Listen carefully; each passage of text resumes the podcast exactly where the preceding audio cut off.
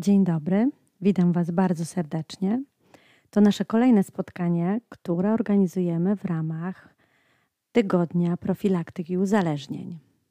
Tym razem porozmawiamy sobie o uzależnieniu od internetu. Jest ze mną gość. Maciej, proszę, przedstaw się, powiedz parę słów, kim jesteś. Nazywam się Maciej Dębski. Na co dzień pracuję w Instytucie Socjologii Uniwersytetu Gdańskiego. Jestem socjologiem z wykształcenia, a od sześciu lat mam przyjemność zarządzać Fundacją Dbam o mój zasięg i tam te tematy, o których dzisiaj będziemy e, rozmawiać, bierzemy na warsztat metodologiczny, badawczy, szkoleniowy. Jestem ojcem dwójki dzieci. One też mnie dość sporo uczą jak używać nowych technologii w sposób właściwy. I tyle o mnie. No to znaczy, że masz bardzo duże kompetencje do tego, żeby rozmawiać z Tobą właśnie o uzależnieniu od internetu. Więc ja zacznę y, tak po prostu. Co to jest uzależnienie od internetu? To, dobrze, to dobre pytanie i to nie jest y, odpowiedź tak bardzo oczywista jak w przypadku uzależnień od substancji chemicznych. E, więc najogólniej rzecz biorąc, uzależnienie od internetu wpisuje się w coś, co nazywamy uzależnieniami behawioralnymi, czyli uzależnieniami od wykonywania konkretnych czynności. To dość zasadnicza różnica e, w porównaniu do uzależnienia od alkoholu czy od narkotyków, bo uzależnia nas nie konkretny związek, a konkretna czynność. Więc w tym kontekście mówimy o osobach uzależnionych od internetu o sieciocholikach, o osobach uzależnionych od zdobywania informacji, o tak zwanych infocholikach. Czasem mówi się o fonocholikach, czyli uzależnionych od telefonów komórkowych. Więc najogólniej rzecz ujmując, ci wszyscy uzależnieni to osoby, które e, używając nowych technologii bardziej sobie szkodzą niż pomagają, mają praktycznie takie same syndromy odstawienne jak osoba uzależniona od alkoholu. Przebieg choroby również mają bardzo podobny. E, skutki społeczne, skutki dla zdrowia somatycznego, e, dla zdrowia psychicznego e, też są bardzo zbliżone do uzależnień od substancji psychoaktywnych.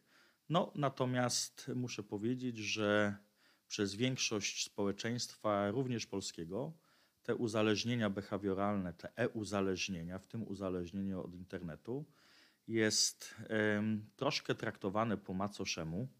To znaczy, większości z ludzi wydaje się, że uzależnienie od alkoholu jest czymś bardziej gorszym, gorszym w skutkach, gorszym e, w, w przebiegu, prawda, czy w leczeniu niż uzależnienie od internetu. Tak nie jest, chociaż i cele terapeutyczne, i same nazewnictwo jest, jest inne w przypadku uzależnień behawioralnych czy uzależnień od substancji psychoaktywnych. No, więc ogólnie rzecz biorąc, uzależniony od internetu to ten, który nie jest w stanie żyć bez e, kontaktu w sieci. To osoba, która e, czuje wewnętrzny przymus żeby korzystać z internetu, z telefonu, z gier cyfrowych również, bo o tym też powinniśmy mówić w kontekście e-uzależnień czy uzależnień od internetu. E, uzależniona osoba od internetu e, to ta, która e, traci kontrolę, która zaniedbuje swoje ciało, która traci kontrolę nie tylko nad ciałem i nad swoją psychiką czy nad samą czynnością, ale również nad czasem ekranowym. Osoba uzależniona do internetu to również ta, która zaprzestaje wykonywać innych czynności, które dotychczas sprawiały jej radość e, i ją tak wiesz, pozytywnie ładowała, e, bo siedzi w sieci, prawda? E, no, to są, oczywiście jest tych symptomów więcej, natomiast myślę, że na początek to, no to taki jest uzależniony od internetu. Uzależniają się nie tylko dzieci, ale również y, moi studenci, również osoby w moim wieku, 40-50-latkowie. Praktycznie, jeżeli chodzi o uzależnienia behawioralne, czyli uzależnienia od czynności, ta granica wieku czy w ogóle zmienna wiek, czy zawód, czy wykształcenie, ona tutaj nie ma żadnego znaczenia. Możemy się uzależnić wszyscy od jakiejkolwiek czynności. Ja nawet śmiem twierdzić, że to jest takie jedno z niewielu uzależnień, które dotyka również małe dzieci, takie naprawdę bardzo małe dzieci. No, z tymi małymi dziećmi to jest różnie. Z tego względu, że znaczy, bo żeby się uzależnić, to trzeba mieć troszkę czasu na to, żeby wejść w ten proces uzależnienia. E, ale rzeczywiście y, obserwujemy bardzo często e, małe dzieciaczki, które w wieku 4-5 lat tak bardzo mocno mają zdigitalizowane dzieciństwo, tak bardzo mocno i często, i niestety często bez kontroli rodziców używają nowych technologii, nawet wówczas, kiedy się nudzą. E, no i rzeczywiście w takich sytuacjach dzieci w wieku 4, 5, 6 lat, jak im się zabierze telefon, e, internet, tablet, czy nie pozwoli się oglądać czegoś tam, do czego dziecko jest przywiązane, no to rzeczywiście jest złość, tupanie nogami, prawda, krzyczenie, wrzeszczenie. To pewnie nie jest jeszcze uzależnienie takie w sensie klinicznym, e, gdzie trzeba, nie wiem, korzystać z konsultacji psychologicznych, czy z psychoterapii, czy nie wiem, nawet z farmakoterapii, bo przecież e, leczy się uzależnienia, e-uzależnienia również farmakologicznie, bo to jest kwestia problemu z samoregulacją. E, natomiast o tych wszystkich dzieciach ewidentnie trzeba powiedzieć, że nawet jeśli nie są uzależnione, to już y, mają bardzo często bardzo niski poziom higieny cyfrowej, a nawet już mają coś więcej, a mianowicie mają już nawyki, negatywne nawyki związane z negatywnym wzorem korzystania z nowych technologii. Bo my musimy mieć świadomość, że tak jakbyśmy mieli figurę trójkąta, to czubek tego trójkąta to są właśnie osoby uzależnione. No ale powiedziałem, że uzależnienie nie bierze się z kosmosu, ono jest w jakiś sposób budowane. Więc jak sobie wyobrazimy ten dół trójkąta, tą szeroką podstawę, no to właśnie mamy brak higieny cyfrowej. Troszkę wyżej mamy y, złe wzory używania nowych technologii, jeszcze troszkę wyżej nawyki i dopiero za nawykami jest to uzależnienie. Ty w ramach działalności swojej fundacji i przeprowadzonych badań e, przygotowałeś właśnie dla tych najmłodszych dzieci, które już zdradzają pewne symptomy i które można jeszcze zawrócić z tej drogi, wymyśliliście grę która trafiła do przedszkoli. Powiedz coś o tym, jak to i na czym to polega i bo być może to też zainspiruje czy do kupienia e, takiej, takiej gry w domu, do domu, czy może właśnie do placówki. E, na czym to polega i, i czy, czy to jest skuteczne? Czy masz, czy masz jakiś feedback już e, od osób, które to użyły do zabawy, ale że, że widzą, że to otwiera pewne oczy?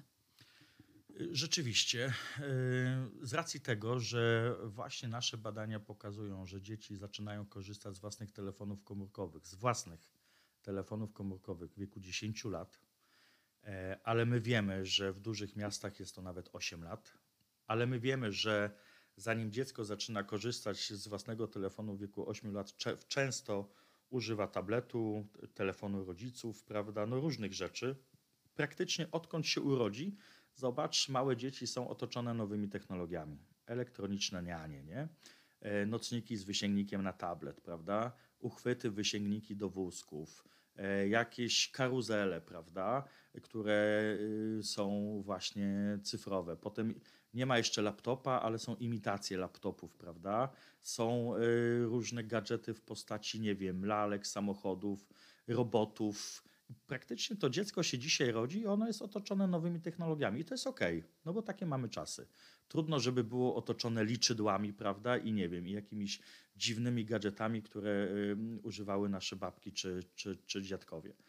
Y, więc, y, więc wiedząc, że te nawyki y, bardzo szybko się tworzą i często są to złe nawyki, E, i często one dotyczą dzieciaków e, przed pójściem do szkoły podstawowej.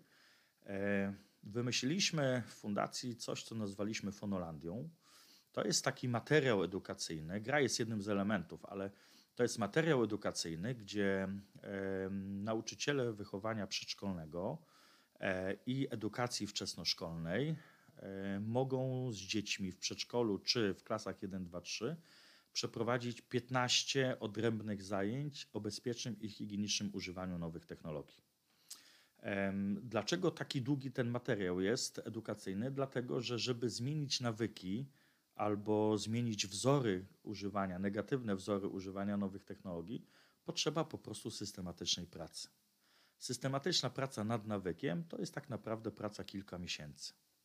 I skoro my widzimy, że dzieciaki mają problem, i skoro my widzimy, że wielu rodziców ceduje rozwiązanie tego problemu na szkołę, bo często sami są wkręceni w nowe technologie, przepraszam za sformułowanie wkręceni, e, no to powiedzieliśmy sobie, jak już mamy wymyślać materiał edukacyjny, to zaczniemy od najmłodszych. Więc jest, i to jest materiał analogowy. Wiele osób pyta, no ale w czasie teraz zdigitalizowanym, to może byście go wydali na płycie albo na czymś tam, prawda, zdigitalizowali, prawda, i tak dalej. Nie.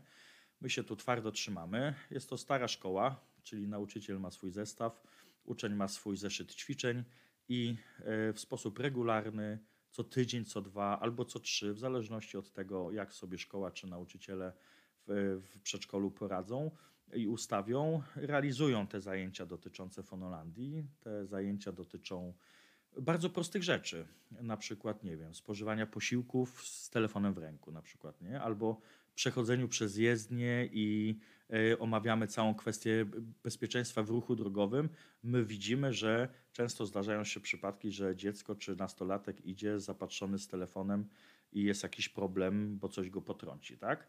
Zresztą, żeby być szczerym, od razu powiem, że ja większy problem widzę w naszym pokoleniu, bo wielu kierowców e, prowadzi e, samochód w ruchu drogowym pisząc SMS-y na przykład. Tam są y, zajęcia dotyczące e, ochrony prywatności również. Tam są zajęcia dotyczące e, spędzania czasu wolnego, spędzania czasu z rodziną, zajęcia dotyczące e, rozwiązywania konfliktów. No jest tych 15 zajęć, a wszystko to spaja właśnie bezpieczne używanie nowych technologii czyli takie dosyć trudne tematy, wydawałoby się niepasujące do 3, 4, 5-letniego dziecka, ale wy to potrafiliście pokazać światu takich światu tego małego dziecka, prawda? No właśnie, właśnie te tematy pasują do ich y, wieku. Oczywiście używamy innego języka, prawda? Ale dzieciaki nas cały czas zaskakują, bo 5-6-latkowie, oni doskonale wiedzą, chociaż my staramy się nie używać słowa uzależnienie, prawda? Bo żeby naprawdę kogoś nazwać uzależnionym, to trzeba mieć naprawdę silne dowody na to. E, ale dzieciaki same mówią, a ja wiem, jak się zachowuje osoba uzależniona od telefonu, nie? A czy widziałaś taką osobę? Tak, to mama albo tata, nie? Więc dzieci w takiej swojej narracji często widzą problem, e, widzą problem ten u swoich rodziców najczęściej, e, więc biorąc pod uwagę, że tak małe dzieciaki uczą się przez naśladowanie osób dorosłych, no to tutaj od razu powiem, że bardzo dużo działań fundacji w ostatnim czasie kierujemy również do rodziców, żeby to oni byli świadomi z jednej strony, jak ważny jest świat nowych technologii, dlaczego on jest ważny, ale też, żeby wiedzieli, że e, jeżeli nie zbudują dziecku odpowiedniej alternatywy do świata cyfrowego, no to to dziecko po prostu będzie cały czas w sieci. To były najmłodsze dzieci, a chciałabym, żebyś teraz nam opowiedział jakiś czas temu.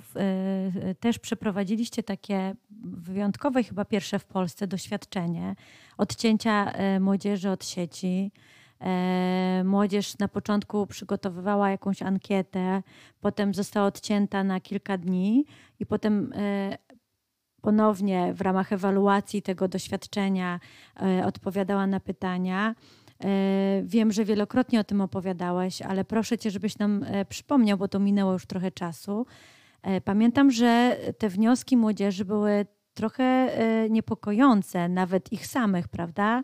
Wiele sobie uświadomili takich błędów, problemów wynikających z tego, że dopiero to pozwoliło im zauważyć, jak bardzo ważne miejsce w ich życiu ma ten telefon i cały świat, który się w tym małym urządzeniu kryje.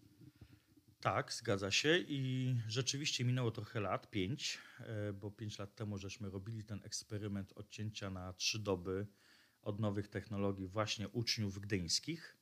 Od razu powiem, że może nie od razu po powrocie, ale e, chcemy ten eksperyment powtórzyć e, na próbie ogólnopolskiej i trochę pobawić się tak zwanymi zmiennymi eksperymentalnymi, ale rzeczywiście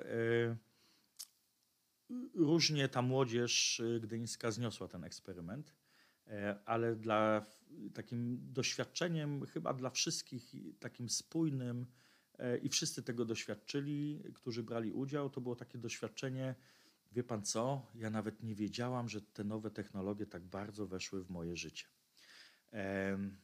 Ale nie tylko w ich życie, bo również w życie y, rodziców. Okazało się, że jak odcięliśmy e, uczniów e, od nowych technologii, to znaczy umówiliśmy się z nimi, że oddają wszystkie swoje gadżety na trzy doby rodzicom i nie używają tych gadżetów w postaci telefonów, iPadów, prawda, nie wiem, jakichś czytników elektronicznych, czy do słuchania muzyki, czy do czytania, no to po prostu wygenerowała im się bardzo duża jednostka czasu wolnego. e, około 4 godzin dziennie, jak się okazało, mm, gdzie ani oni, ani ich rodzice bardzo często nie wiedzieli, jak ten czas zagospodarować. E, no ja się jakby temu nie dziwię, że nie potrafił, też bym pewnie nie potrafił, no bo skoro jestem od lat przyzwyczajony do pewnego rytmu, że nawet jak rozmawiam, to y, brakuje mi, nie wiem, tematu, to sięgam po telefon i już jest ten temat, prawda? No to, no to ta pustka była dla nich bardzo trudna. Nie? Ale dla kogo była ta pustka bardzo trudna?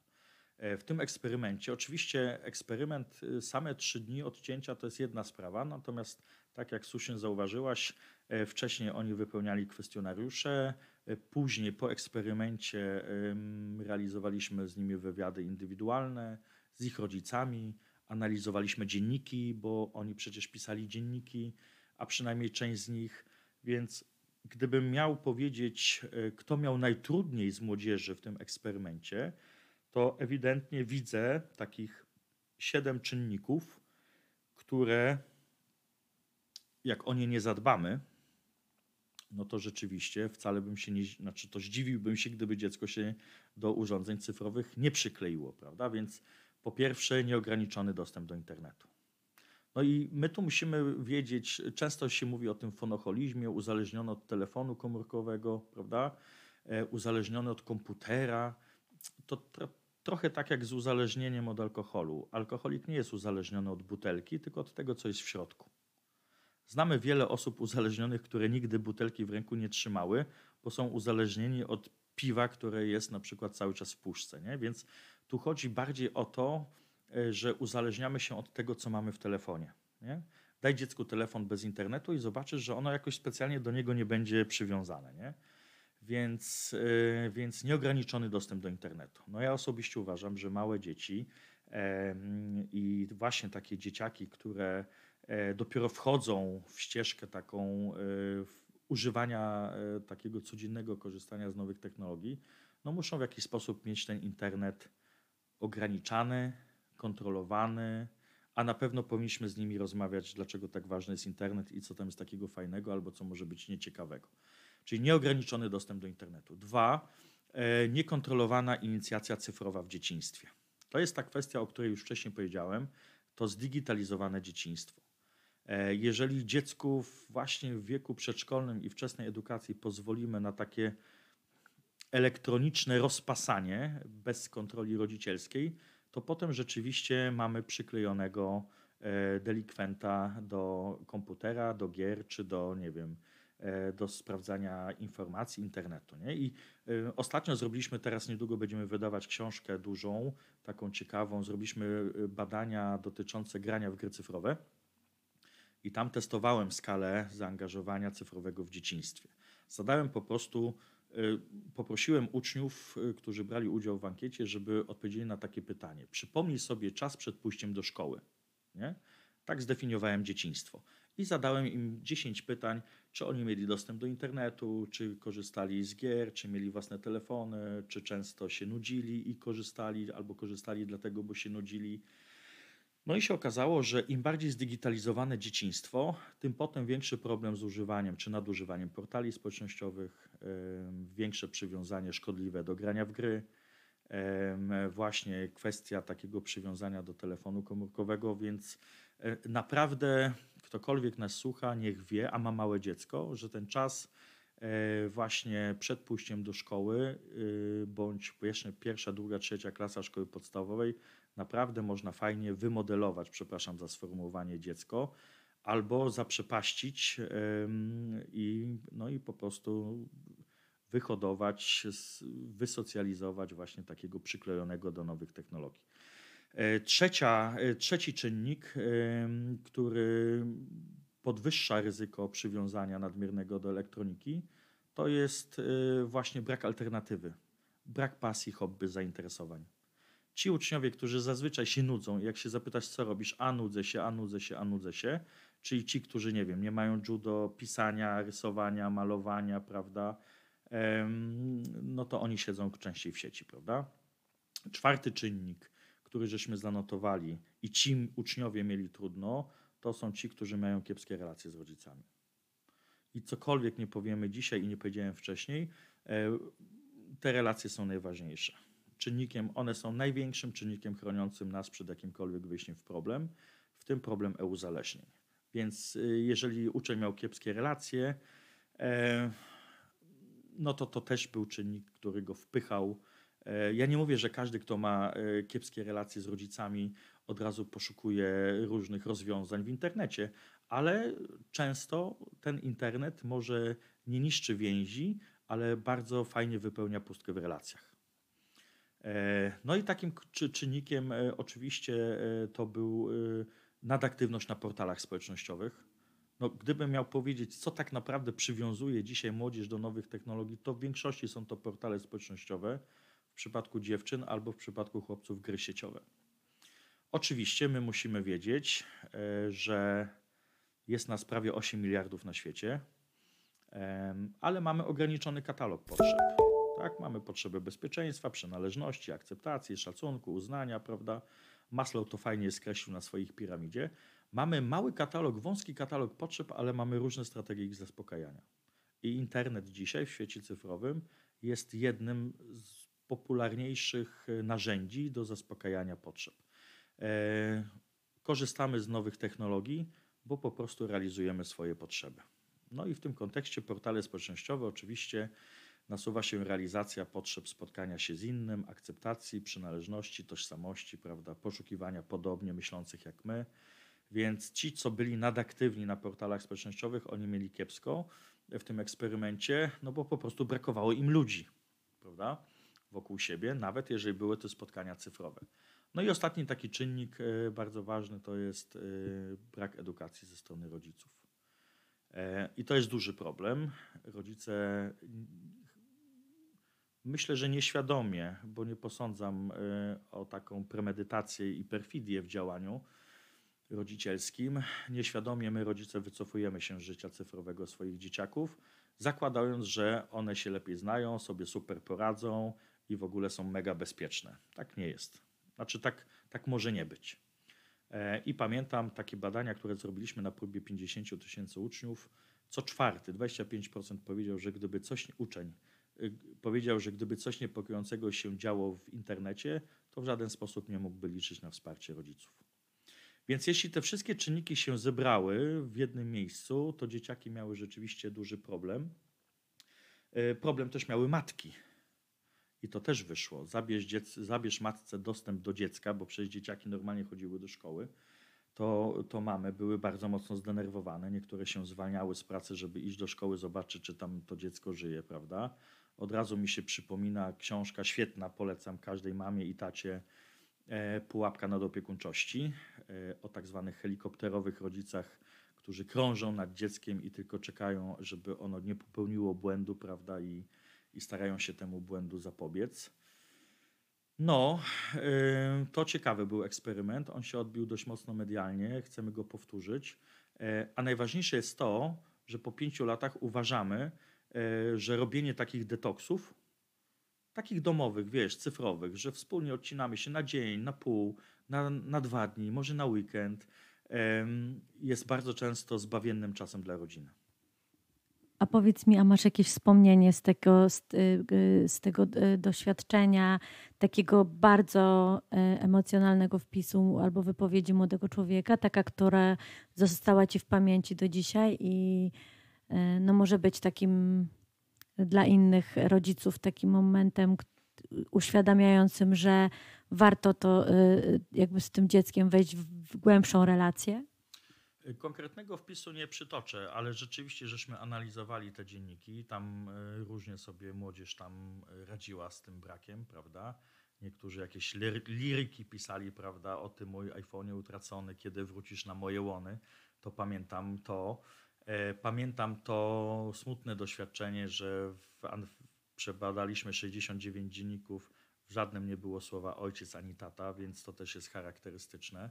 Jesteśmy w Gdyni, rodziny marynarskie, ale umówmy się, to już nie te czasy, gdzie e, gdyńscy panowie, prawda, rodzice to, to, to, to żeglarze i marynarze, więc siedzą w domu, ale tak trochę jakby obok tych, e, tych dzieci. No, wyszło w tych dziennikach rzeczywiście taka nadopiekuńczość matek, tak jakby niektóre mamy siadły naprawdę tak jakby dziecku położono głaz na piersi, że ono nie może samo o sobie stanowić, bo gdzieś tam zawsze jest ta kontrola. E, no, więc, e, więc było trochę tych, e, tych, tych wpisów takich smutnych, bardzo refleksyjnych. Zresztą te same rzeczy zdarzają się na szkoleniach, które prowadzimy. Pamiętam takie szkolenie właśnie w jednej z, dużych aglomeracji w Polsce, gdzie chłopak zostaje po zajęciach i się pyta, czy proszę pana, ja mam 14 lat, czy ja jestem w stanie jeszcze zbudować fajną relację z rodzicami na przykład, nie? Więc to są takie, albo taka sytuacja, y, dziewczyna mówi, proszę pana, z przykrością muszę stwierdzić, że moi rodzice odzwyczaili się mnie przytulać, prawda? A potrzebujesz tego, a ona do mnie, a pan tego nie potrzebuje. Więc jest kilka takich y, i pewnie by się trochę zebrało E, to są bardzo ostre i smutne sformułowania ze strony dzieciaków, i wszystkie one mają jeden wspólny mianownik, a mianowicie taka nieobecność rodzicielska. Nie? E, I przestrzegam przed tym, i sam się też tego uczę. Ja się nie wybielam, ja też często jestem nieobecnym i tak się czuję w przypadku e, Idy czy Antka. Natomiast my musimy dzisiaj wiedzieć, że ta uważność rodzicielska, ona musi być trochę taką uważnością przedłużoną, rozciągniętą. Bo jak my byliśmy mali, to nasi rodzice e, musieli być uważni na to, co robimy, co robimy realnie, bo wirtualnie nie było. Natomiast dzisiaj wirtualnie jest. Więc ta uważność rodzicielska przedłużona, ona musi być po prostu właśnie taką, która zahacza o to, co dziecko robi realnie, ale rodzic naprawdę musi sobie, musi sobie dzisiaj uświadomić, że ten internet i przestrzeń i te, i, i te wszystkie zasoby sieci są E, tak ważne dla dzieciaków, e, że po prostu warto wiedzieć, e, co to dziecko robi w sieci. Bo jeżeli się wycofamy, no to przepraszam za sformułowanie, obudzimy się z ręką w przysłowiowym nocniku i się okaże, że nie mamy dobrej relacji z dzieckiem, a dziecko tak naprawdę nas w ogóle nie potrzebuje, bo wszystkie potrzeby, które by normalnie zaspokajało z nami, jako najbliższymi, zaspokaja sobie w internecie. Często też jest tak, że dla nas, do, jako w kontekście e, tego, co powiedziałeś, dla nas jako dorosłych, jednym z, jednym z naszych e, narzędzi e, wpływu na dzieci to jest oddaj mi telefon, albo zabiorę ci telefon, albo wyłączę ci dostęp do internetu ale to jest traktowane jako taka kara, jako taka rzecz, że doprowadziłeś już do takiej sytuacji, że muszę to zrobić. Natomiast y, dobrze wiemy też my dzisiaj jako dorośli, a zwłaszcza teraz, kiedy jesteśmy po półtorarocznej e, pandemii, która nas przeniosła właściwie całkowicie do sieci i rzeczywiście świat się przeniósł do, wirtualne, do wirtualnej rzeczywistości i większość usług większość e, działań, spotkań, relacji e, mamy dzięki, dzięki internetowi. Czyli tak jakby zupełnie odwróciliśmy też, możemy powiedzieć, że to też jest, to też nam coś dało. Więc to jest ten pozytyw internetu. Jak myślisz, jakie można mieć dzisiaj rekomendacje dla rodziców? W jaki sposób mogą mieć wpływ na to, żeby ograniczać dzieciom ten świat internetu, ale nie traktować tego jako takiego właśnie zamknę cię w domu, zabiorę ci telefon, bo, e, no bo to, to chyba nie ta droga, prawda? Co ty o tym myślisz? Ja nawet myślę, że ja bym troszkę inaczej nawet postawił sprawę. Ja myślę, że tu nie chodzi o ograniczanie internetu. Ja myślę, że tu chodzi o budowanie tej alternatywy.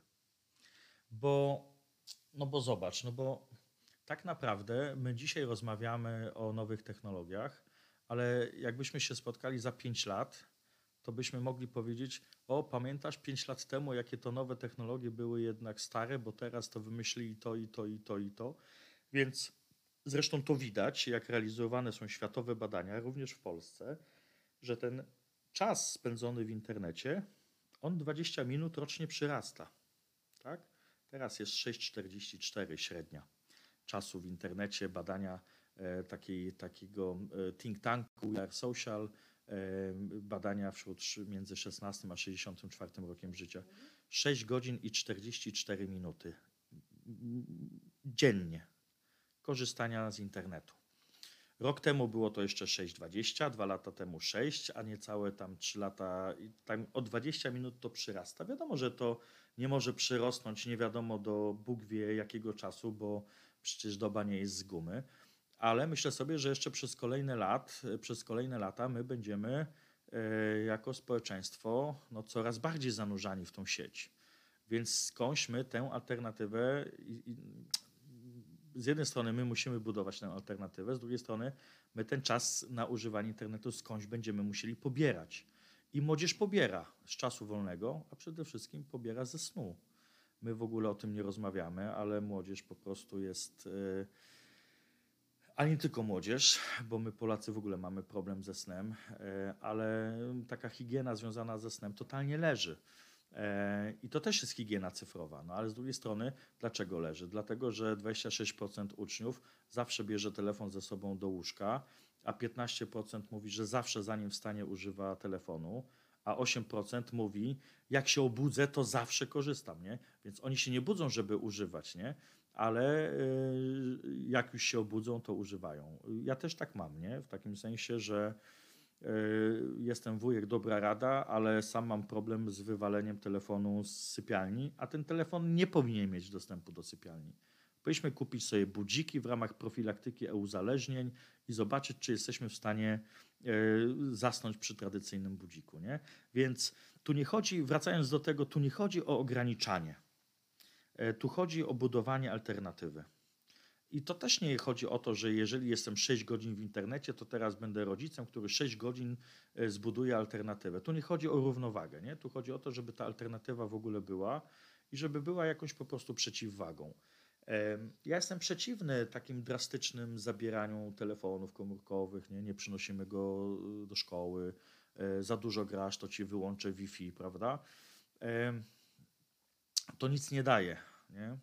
Znaczy, to może się sprawdzać w sytuacjach bardzo klinicznych, takich, e, gdzie już naprawdę to tak jak alkoholik, nie? Znowu, znowu wracam do alkoholika. Jak jest problem alkoholowy w domu, to trzeba po prostu wywalić cały alkohol z domu ale to jest bezwzględne ograniczenia zawsze są stawianiem sprawy na ostrzu noża. Nie? Raczej wolałbym e, modelować e, te używanie nowych technologii poprzez właśnie budowanie alternatywy, e, czy, czy tworzenie domowych zasad używania nowych technologii, nie? To często, czy, czy na przykład jakby no, przenoszenia tego, co dziecko szuka w internecie do czasu takiego y, realnego. Nie? Na przykład y, to często w terapii osób, które mają zaburzenia związane z graniem w gry cyfrowe. Nie? Trzeba najpierw dotrzeć do motywu. Dlaczego młody albo młoda granie? I widzimy, że są różne typy graczy i jest taki typ zdobywca. Nie? On zdobywa punkty, zdobywa to, zdobywa to, zdobywa to, E, nic nie stoi na przeszkodzie, żeby zrobić mu taką grę realną, żeby on zdobywał w domu pewne rzeczy, prawda? E, z kolei mamy typ e, zabójcy trola, prawda, gracza, no to to jest taki ag agresywny, prawda, gracz, to jest przemocowy, on szuka tutaj, chciałby jak najwięcej się pobić, prawda, no to skierować go na sport, prawda, na karate i tak dalej, więc trzeba byłoby tu najpierw poznać dlaczego nasze dzieci korzystają, bo też nie jest ważna tylko ilość czasu. Ważna jest też jakość czasu. I badania naukowe na świecie mówią wprost: najbardziej negatywnym czasem ekranowym dla naszego zdrowia takiego fizycznego, psychicznego e, czy, czy społecznego jest tak zwany pasywny czas ekranowy. Czyli passive time to jest sytuacja, w której e, bez sensu scrollujesz i czas przez palce ci cieknie. Nie? jesteś zwykłym odbiorcą, nic od siebie nie dajesz, e, z nikim się nie kontaktujesz, po prostu e, taki passive time to teraz jest Netflix na przykład, nie? I moi studenci mówią, ja z telefonem komórkowym w ogóle tam nie jestem przywiązany, ale Netflix to mnie rozwala, nie? W piątek siadam, w niedzielę wstaję i, i po prostu nawet nie wiem, jak mi weekend zleciał, nie? Więc z jednej strony kontrola ilości czasu, a z drugiej strony no, przypatrzenie się tej jakości. Więc, a z drugiej strony wracając do tego, co powiedziałaś, że rodzice często każą albo też nagradzają, na przykład, o, poprawiłaś oceny z matmy, możesz więcej pograć na kąpie. To pamiętajmy, że jeżeli stosujemy wachlarz kar i nagród takich rodzicielskich e, z jednego worka, e, no to też mamy kwestię modelowania. Prędzej czy później możemy doprowadzić do sytuacji, że dziecko zrobi coś albo nie zrobi czegoś, e, bo będzie miało mniej bądź więcej dostępu do internetu. Nie? No, więc tu naprawdę trzeba dobrze się zastanowić e, i wcześniej pogadać z mężem, żoną, z partnerem, z partnerką, żeby uspójnić w ogóle wizję. Problem oczywiście jest w rodzinach, gdzie dzieci żyją na dwa domy, prawda? Gdzie u mamy jest rygor bardzo często, a u taty hulaj dusza piekła nie ma. Zresztą tak samo jest często u dziadków, prawda? że jak dziecko idzie do dziadków, prawda, na jakiś tam czas, to potem wraca rozregulowane. Chociaż znam dziadków takich, którzy właśnie jak dziecko przychodzi, no to zaczynają z nim tę alternatywę do świata cyfrowego budować, bo rodzice tego na przykład nie robią. Nie? I, i, i to widać. Dzieciaki, no bo to nie jest tak. Ja chciałbym zadać kłam takiej tezie, że teraz wszyscy siedzą w grach, prawda, przy komputerze i nikogo nie ma na placu zabaw. Nie? Zobacz, miasto Gdynia stworzy fajny plac zabaw i jest zatrzęsienie. Nie?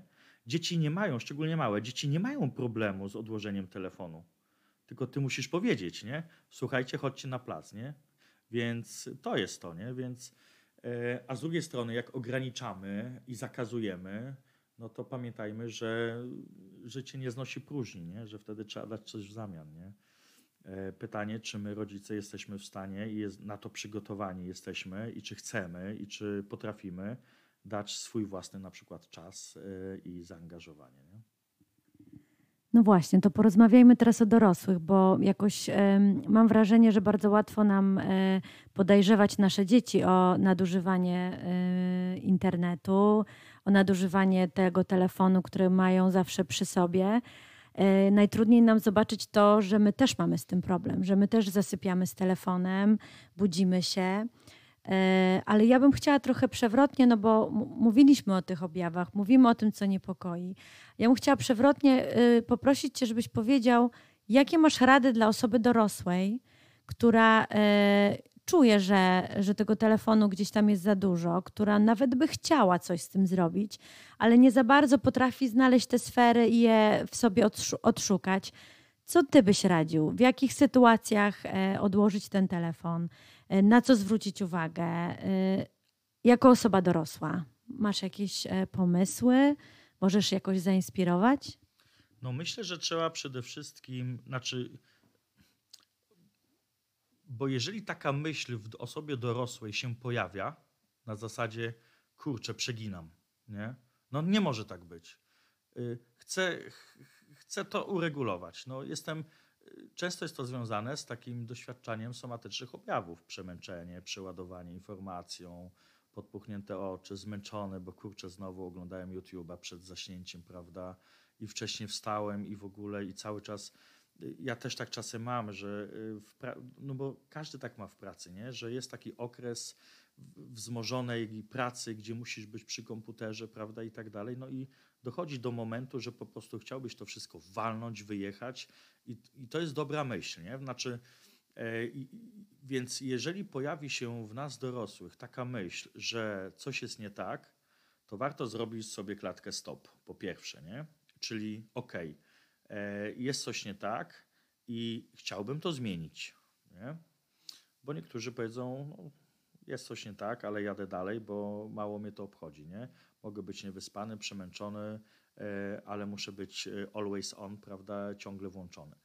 E, no to, to, to oni, oni, oni jakoś się tam troszkę później pewnie zreflektują, jakim się jakiś element życia gdzieś tam wysypie, prawda? No ale zakładamy, że mamy tego z takiego zracjonalizowanego dorosłego, on chce coś zrobić, no to ja bym najpierw zrobił właśnie pooglądał siebie przez tydzień, jak ja używam nowych technologii. Od momentu, kiedy wstaję, do momentu, kiedy się kładę. Nawet z notesem. Jakie ja mam, jakie ja mam tak naprawdę zachowania? Bo my często po prostu robimy pewne rzeczy automatycznie, nawykowo. Zresztą nasz mózg nas pcha w to. Nasz mózg uwielbia nawyki. Więc jeżeli przez ostatnie 5 lat kładłaś się z telefonem do łóżka, to twój mózg nawet nie pomyśli, że możesz położyć się z książką. Dlaczego? Dlatego, że nasz mózg uwielbia automatyczne działania nawykowe, bo wtedy nie spala energii. A naszemu mózgowi zależy na tym, żeby nie spalać energii. Tak y, został gdzieś stworzony ten nasz mózg w czasie ewolucji. Więc po pierwsze ogląd, nie? Po drugie detoks własny. Ten detoks, on często jest zalecany w pracy terapeutycznej. Jeżeli, y, jeżeli ktoś trafia na psychoterapię, no to bardzo często jest ona związana z detoksem. E, u nas też już powstają ośrodki, gdzie możesz e, e, się leczyć w ośrodku zamkniętym i to jest kilka miesięcy albo rok bez nowych technologii, w ogóle bez internetu, zasięgu, telefonu. Tak samo jak leczą uzależnionych w ośrodkach detoksykacyjnych. Więc taki własny detoks, nie? taki świadomy, nie? jak mi jest bez tej nowych technologii, czego mi tak naprawdę brakuje, kiedy mi brakuje. Bo wiesz, Beata, uzależnienie od internetu to jest taki, czy e-uzależnienie to jest taki jeden duży worek, nie? E, ja kilka lat po tym, jak odciąłem młodych, też odciąłem się na kilkanaście dni od nowych technologii. Ja widziałem, że mi tak naprawdę brakuje portali społecznościowych, że brakuje mi ich wieczorem e, i że to był dla mnie duży problem, więc e, ja musiałem się przeorientować i zastanowić się, co ja mogę takiego zrobić, żeby na przykład, nie wiem, nie korzystać e, wieczorem z Facebooka, nie? Nie wiem, przyjść na pełnym zmęczeniu, że tak naprawdę e, kładziesz się i już nawet nie masz siły, prawda, e, korzystać z portali społecznościowych. Więc własny detoks pokaże, czy ty w ogóle masz jakieś, z jednej strony pokaże ci, czego ci brakuje, pokaże tobie, czy masz w ogóle jakieś modele radzenia sobie i życia w ogóle bez nowych technologii, bo od razu powiem, że życie bez nowych technologii, takie wiesz, bycie współczesnym amiszem jest totalnie bez sensu. Tutaj nie o to chodzi, nie? Jest mnóstwo tych pozytywów e, używania internetu i, i zdalna edukacja też dużo fajnego zrobiła, chociaż ogólnie uważam ten czas edukacji e, przez ostatni rok na, na minus, ale sporo, sporo naprawdę udało się osiągnąć. No więc, więc, więc ten własny detoks, nie? E, no i potem oczywiście kwestia tego, y, tych wspomagaczy, prawda? Czyli e, budowania fajnych relacji, e, budowania alternatywy do świata cyfrowego. No, myślę, że to y, w ogóle jest też, y, to trochę też jest w modzie, ale też zaczyna być wypaczone to jest ta oczywiście kwestia uważności, mindfulness, techniki, techniki relaksacji.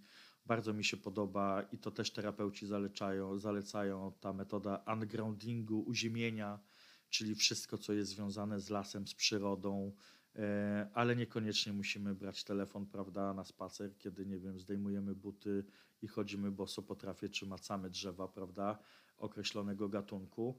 E, więc no, takie, rzeczy, takie rzeczy na pewno pomagają. Nie? Więc myślę, że e, myślę, że to jest istotne. E, istotne jest, istotne jest dbanie o sen. Zdecydowanie. Tutaj i czy dorośli jesteśmy, czy, czy, czy jesteśmy dzieciakami, ta kwestia kultury dobrego zasypiania jest bardzo dobra, nie? Czyli godzinę, dwie przed zaśnięciem odkładamy nowe technologie. Nie? No ja, ja mam z tym, ja, to, ja totalnie przegrywam na tym polu, nie? E, I, I, często się na tym łapię choć, i, i, wiem, że to byłoby trudne do zmiany tak o, nie? I myślę sobie też, to, to też jest ważne, żeby jakąkolwiek zmianę w tym zakresie nie podejmujemy, żeby nie narzucać sobie jakiegoś dziwnego tempa, żeby się nie frustrować, nie? Na zasadzie, o Boże, znowu mi się nie udało, o Boże, o to, o to, nie? Bo raczej, raczej, raczej przyjąć założenie, że nasze przywiązanie do elektroniki jest czymś bardzo silnym, e, nawyki są bardzo silne i ten nawyk może odpuścić po 5, 6, 7 miesiącach tak naprawdę ciężkiej pracy. Nie? To jest takie trochę oszukiwanie swojego mózgu. Nie?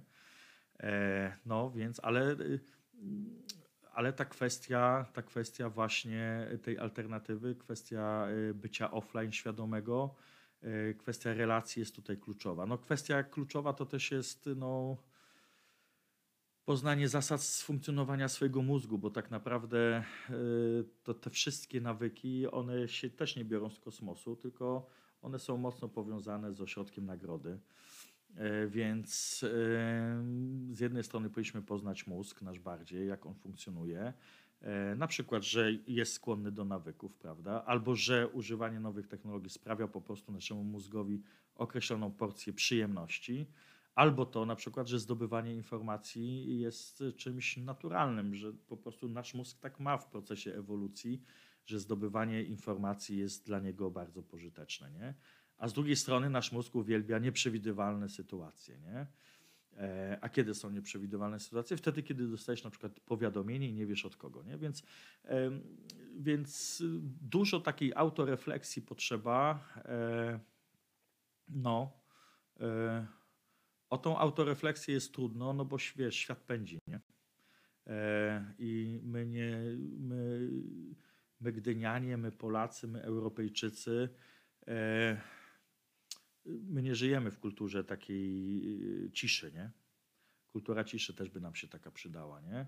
E, to było w tym eksperymencie, nie? E, pytałaś o te e, jakieś rzeczy, które utkwiły, jakieś wypowiedzi, Pamiętam taką wypowiedź y, w dzienniku, nie, to było w wywiadzie, już nie przytoczę jej tak dokładnie, ale właśnie, e, że ta cisza aż bolała w domu, nie? że problem był z ciszą. I to mówiła, pamiętam, jedna mama, nie? że zawsze były nowe technologie obecne, ale jak to wszystko się skończyło i my też, i my też chcieliśmy pomóc dziecku, bo wiele rodzin na czas eksperymentu też starało się odciąć i na tyle, na ile mogło, a przynajmniej nie używać przy dziecku na zasadzie haha, zobacz, ja mogę, a ty nie możesz. E, no to właśnie mówili o tej, o tej braku kultury, braku ciszy, nie? Że, nie do, że nie pozwalamy sobie na ciszę. E, no świat pędzi, a z tym jest związana kolejna rzecz, nad którą my dorośli powinniśmy popracować i młodzież również, czyli kwestia cierpliwości. Że y, tylko wiesz, trudno budować u dziecka cierpliwość, kiedy żyje w czasie, w którym rano się kładzie, jest, wieczorem się kładzie, jest pusta lodówka, a rano się budzi, jest pełna, bo w międzyczasie Tesco przyjechało, nie? Albo trudno jest, wiesz, no, Beata, no, każdą rzecz. Ostatnio kupowałem sobie pistolet do masażu, żeby się masować. Y, I on był ode, u mnie dwa dni w, z Wielkiej Brytanii, on był dwa dni u mnie, prawda? bo przecież mamy hale pobudowane, więc my nie musimy czekać, nie? E, a powinniśmy potrafić czekać, nie?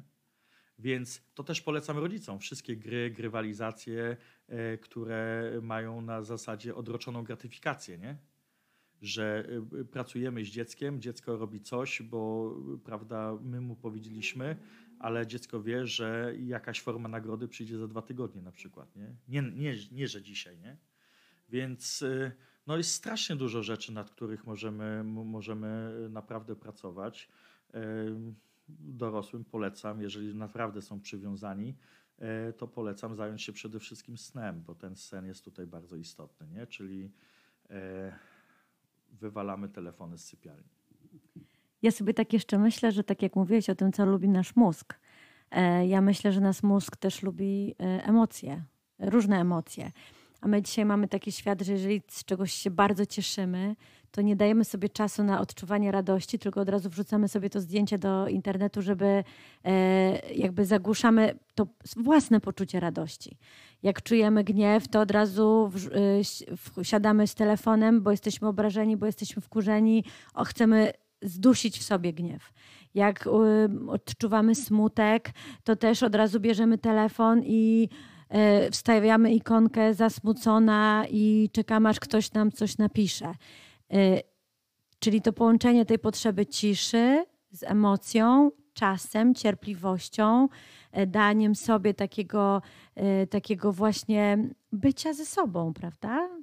Tak, a z drugiej strony przypomina mi się świetny film na Netflixie zresztą, Społeczny Dylemat, The Social Dilemma, gdzie twórcy tego filmu i główni bohaterowie, którzy tworzyli bebechy y, i te wszystkie wnętrzności y, Facebooka, Snapchata, Instagrama czy YouTube'a e, mówią wprost, że tak naprawdę te nowe technologie, one są tak stworzone, żeby po prostu e, ściągnąć z nas kasę, a, a, a towarem, e, który jest od nas ściągany, to jest nasza uwaga, prawda? Więc no i myślę sobie, że, znaczy tak, w ogóle internet jest jedną wielką emocją, nie? że po prostu on jest, y, on jest tak rozgrzany emocjonalnie, a jeżeli jest jedną wielką emocją, to bardzo łatwo go z nim sterować. Nie? Więc ja generalnie nie boję się y, używania nowych technologii i rozwoju nowych technologii, ale znaczy, właśnie, nie boję się y, rozwoju nowych technologii, natomiast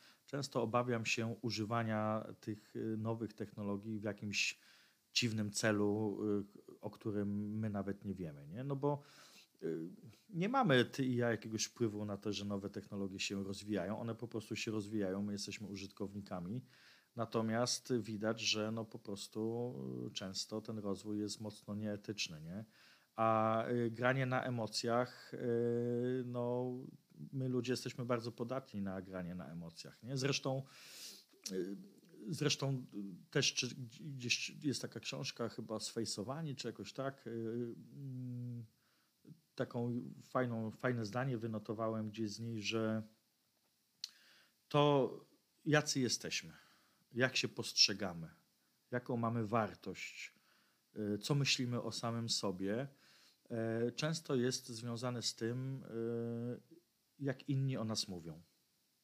Nie? I zobacz, jak byliśmy mali, to ile osób o nas mówiło? 30, 40, 50 max. Trochę z klasy, ale pewnie nie wszyscy. Trochę z podwórka. Ja latałem na judo do kościoła, no to trochę tu. Trochę rodzina, ale też nie cała. No max 50 osób, nie? Dzisiaj 10 razy więcej, 100 razy więcej, nie? I wszyscy ci mówią. 5 tysięcy ludzi mówi ci na portalu społecznościowym, jaki ty jesteś, nie? Albo jaki nie jesteś, nie? Kiedyś mówiło do ciebie 50 osób. Co to oznacza? To oznacza, że e, ten komunikat, e, który do ciebie idzie o tobie, on jest bardziej spójny wtedy, kiedy mówi do ciebie 50 osób niż 5 tysięcy. E, I często mówi się o młodych osobach, ale nie tylko, że to są osoby o tak zwanej rozedrganej tożsamości. Że one nie wiedzą, jakie są. Że jeden mówi, o jesteś za gruby, drugi jesteś za chudy, ty masz za dużą brodę, nie? a ty masz za duże okulary, a coś, a coś. I jeżeli do tego jeszcze nałożysz kiepską relację z rodzicami, no to taka młoda osoba jest naprawdę bardzo mocno, yy, nawet nie wiem jak to powiedzieć, nie? ale jest bardzo mocno rozchwiana. Nie? E, a jeżeli jest bardzo mocno rozechwiana, no to znaczy, że y, istnieje bardzo duże prawdopodobieństwo, że tą, tę chwiejność można w jakiś sposób negatywnie wykorzystać. Nie? No, poza tymi wszystkimi rzeczami, że internet jest mega, nie? Y, umówmy się, on uratował nam poprzedni rok edukacyjny, zamknął nam ten. Y, przypominam sobie rok temu, maj, czerwiec, zamknięte lasy, y, nie mogliśmy wychodzić, więc tak naprawdę tylko dzięki temu internetowi mogliśmy się w jakiś sposób spotykać. Ale ja cały czas uważam, że kontakt w sieci różni się od relacji bezpośredniej, nie? że ta relacja jest jednak o wiele bardziej istotna, pewnie trudniejsza, ona jest ważna. I gdyby rzeczywiście internet zaspokajał tak bardzo wszystkie potrzeby, e, no to, to dzieciaki nie, nie, nie, nie szłyby na psychoterapię. Nie? e, nie potrzebowałyby wsparcia psychologa, prawda? Nie czułyby się samotnie. Więc e, mam wrażenie, a nawet jestem przekonany, że nawet ta realizacja potrzeb, w szczególności tych takich bardzo głębokich, ważnych, ona przez internet dzieje się powierzchownie. A z drugiej strony przypominam sobie z tych badań na próbie 50 tysięcy uczniów lata 2017-19, czyli jeszcze przed pandemią, zadaliśmy młodzieży takie pytanie, czy jesteś aktualnie w związku z osobą, której nigdy fizycznie nie widziałeś? Nie? 10% mówi, że tak ma. Nie? Trudno im odmówić, że są w związku. Oni czują się w związku, oni czują się zakochani, oni, czują, oni się spotykają, odpalają kamery, uprawiają miłość w jakimś sensie taką, wiesz, y, dzięki internetowi, prawda? Coś tam sobie pokazując. Y, no natomiast, kurczę, no nie ma tej bliskości, ciepła, przytulenia, dotyku. Są gabinety przytulania, to, to wiesz, to często o tym wspominam. Y, przytulanie.pl, jak wejdziecie, to zobaczycie, że, że po prostu są gabinety, które oferują przytulanie. Przytulanie kosztuje z tego co pamiętam, to 90 minut przytulania to kosztuje 300 zł, więc naprawdę możemy strasznie dużo kasy zaoszczędzić, e, mając przy sobie osobę bliską po prostu, nie? I internet tego nie zastąpi. No to co, będziemy ko kończyć. Maciej zachęcał Was do tego, żebyście zadbali o sen. Ja bardzo, bardzo Was zachęcam do tego, żebyście zadbali o wspólny posiłek, przynajmniej raz dziennie, żeby zaprosić kogoś do stołu, odłożyć telefon i spokojnie zjeść, rozmawiając, uśmiechając się, przeżywając pewne emocje. Moim gościem był Maciej Dębski z Uniwersytetu Gdańskiego. Ja Wam bardzo dziękuję za dzisiejsze spotkanie. Beata Szadziul, Gdynia Rodzinna.